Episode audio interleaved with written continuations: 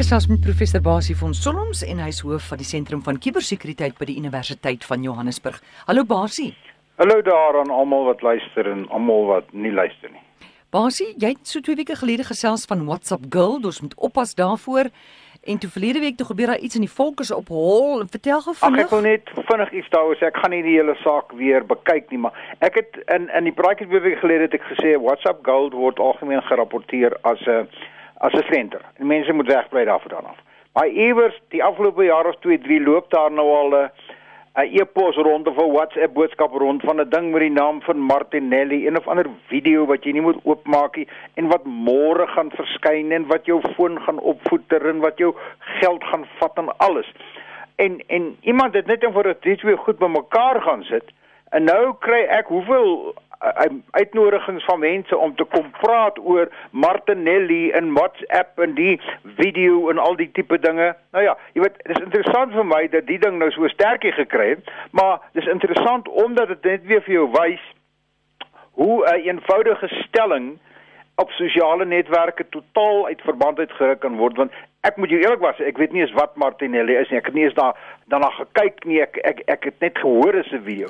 So dit goed kom by mekaar uit. So wees maar ook as jy 'n boodskap kry en en en en daar's 'n stertjie aan of jy vermoed daar's 'n stertjie aan of aanvaar maar daar's 'n stertjie aan. Wees versigtig dat die eenvoudige ding wat jy sê is Silvester is 'n leeu, mm. iemand gaan kan verander en sê Silvester is 'n leeu wat eintlik 'n olifant was en mm. toe later verander dit in 'n krokodil. En dan gaan dit onder jou naam kom want jy daai eerste stelling gemaak. Dis maar al wat ek wil sê. Basie, die Wêreldekonomiese Forum het sopas hulle nuutste globale risikoverslag vir 2019 vrygestel. Waar lê kiberbedrog? Jong, ek moet jou sê ek was nog altyd my lewe lank maar 'n paranoïese ou gewees oor die goed en ek dink die luisteraars en en jy en Marieta en almal weet daarvan. Uh hierdie hierdie bedrog, hierdie eerstens die Wêreldekonomiese Forum is die grootste organisasie met meer as 1000 van die grootste maatskappye in die wêreld ehm um, wat lid is van die Wêreldekonomiese Forum en hulle bring jaarliks 'n globale risikoverslag uit. Hoe lyk die risiko's in die hele wêreld? Wat is die hoogste risiko's wat mense bang maak en waaroor hierdie e, die mense in die industrie en die private sektor en die man in die straat en en politici praat ensovoorts. En as ons nou gaan kyk na hierdie jaar se verslag, die vyf risiko's wat heel hoogste staan op die lys met die grootste uh waarskynlikheid dat hulle gaan gebeur. Die eerste 3 het al drie te doen met die omgewing. Ekstreme uh, weerstoestande, uh nat natuurlike uh uh rampe en al sulke tipe hmm. dinge soos wat ons sien, uitbarstings en ysberge wat in mekaar val ensovoorts. Dis die eerste 3.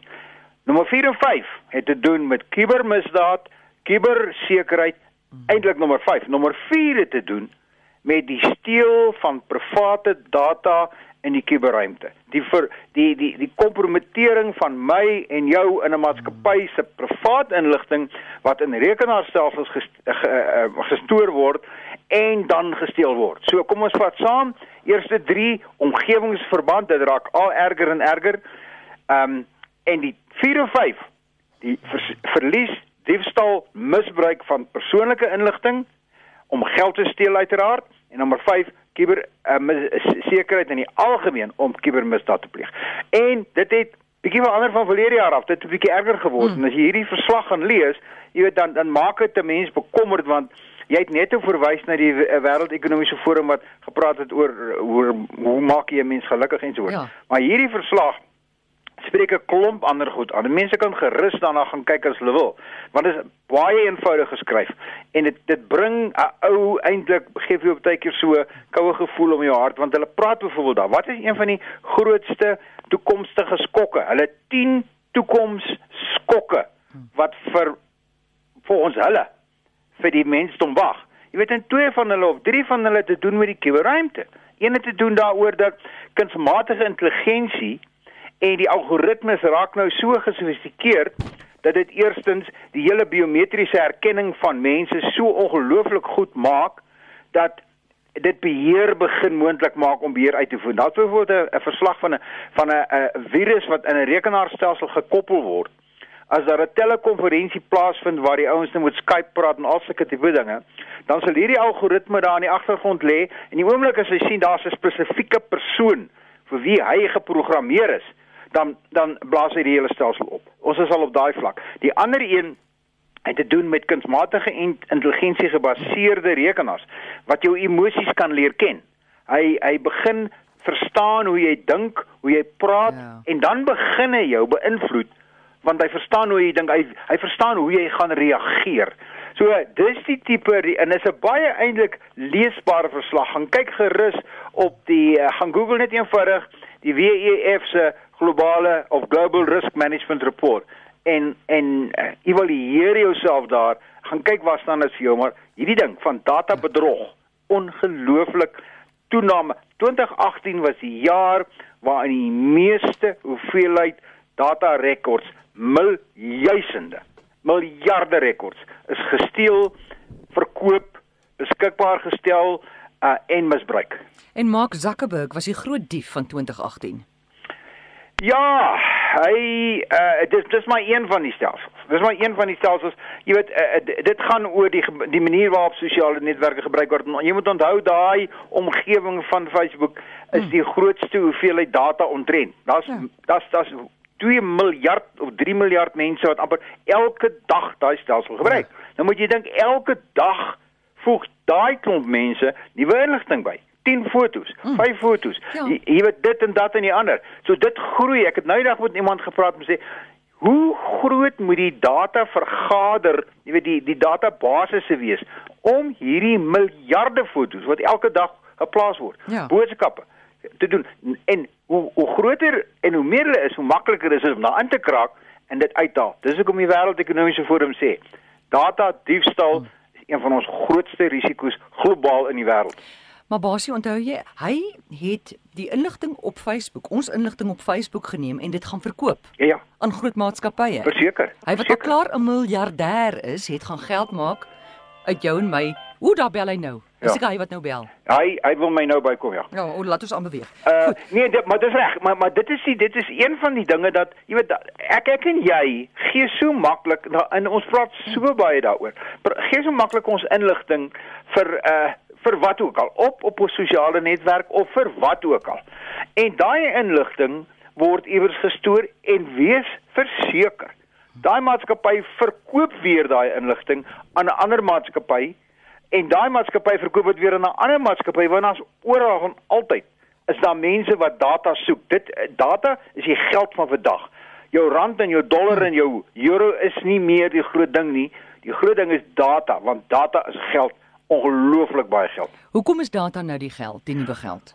Omdat eerstens moet as jy as jy data het, kan jy vir my en jou as persoon uit die data wat ons uit ons eie uit beskikbaar stel vir mense op die in die kuberruim kan ek geprofileer word. Om, iemand kan weet presies wie ek is, wat ek dink. Dan kan hy met my begin maak wat hy wil.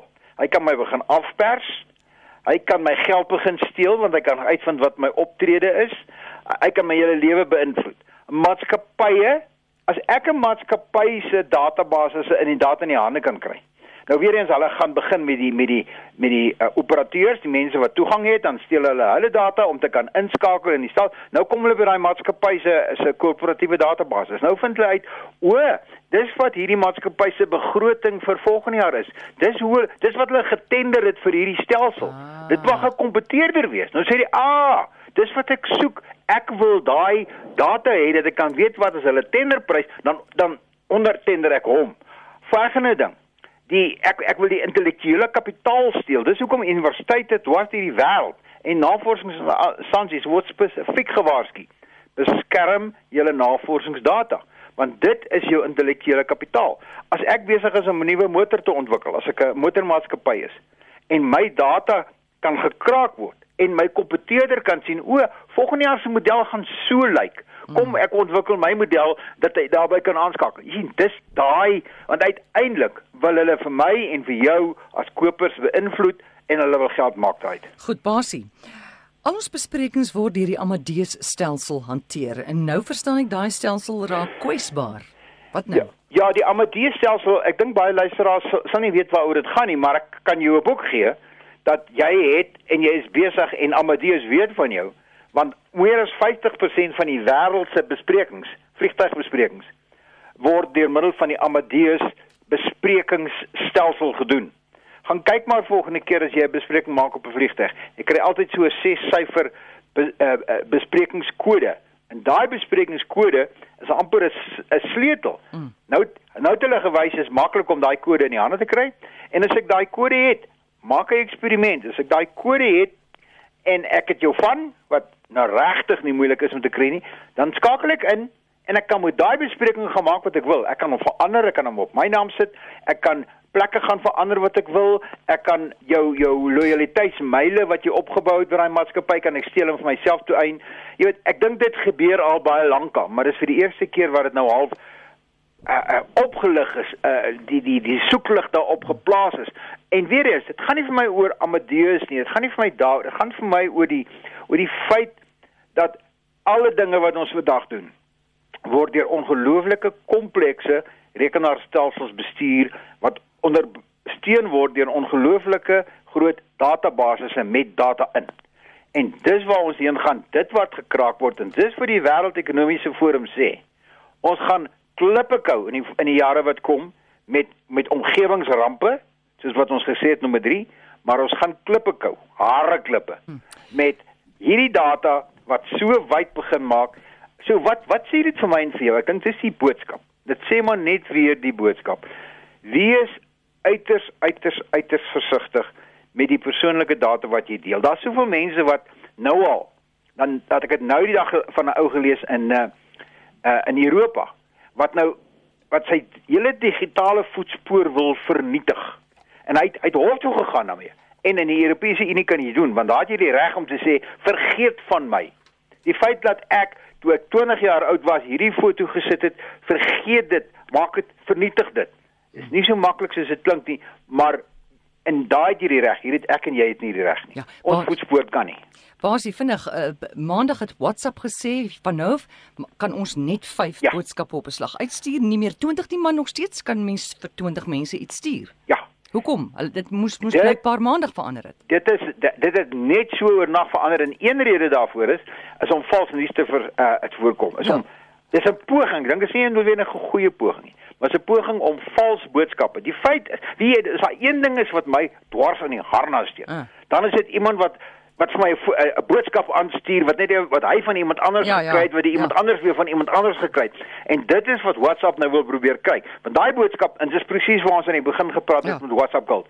Wat WhatsApp wil doen, is hy wil sê ek wil beheer begin uitoefen oor hoe maklik kan jy nuus of 'n vals boodskap aanstuur na mense toe want om aan hoe minder mense jy dit kan stuur hoe minder kan dit aanstuur en hoe kleiner is die impak daarvan. Ja, maar die vraag is hulle het gesê maandag van vandag af, maar nou is dit donderdag en nog steeds kan jy dit vir 20 mense aanstuur. Hoekom? Waar waar is die fout? Ek dink dit word gewoon progressief ge, uh, uh, uh, geïmplementeer. Jy moet onthou WhatsApp het ook meer as 'n miljard uh, gebruikers. Ek dink 2 miljard of wat ook al.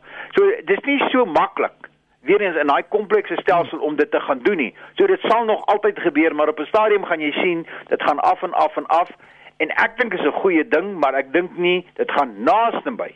En ook die wêreldekonomiese forum uh, uh, sê een van sy risiko's is vals nuus en dis hoe vals nuus geskep word en dis maar 'n poging om vals nuus te beheer.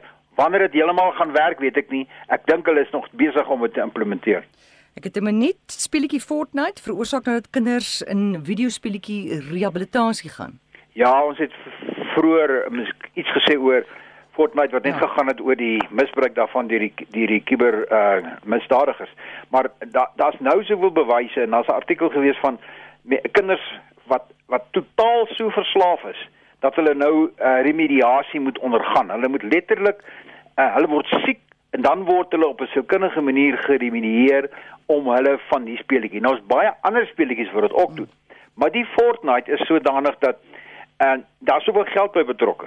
Jy koop goed, ons het verlede keer daaroor gepraat, jy koop wapens en daarom misbruik jy geld. Maar as mense 'n 13-jarige kind wat vir 12 uur aan mekaar gespeel het elke dag vir 'n week of 2, 3, 4 lank en aan die skool sit hy en slaap en hulle het hom net eenvoudig op 'n program gestuur om te sê ons moet jou speen van hierdie ding totale afhanklikheid soos heroïne. O, oh, dis erg. Basie baie dankie. Dis professor Basie van Solms en jy kan hom kontak by rsgbasie by gmail.com.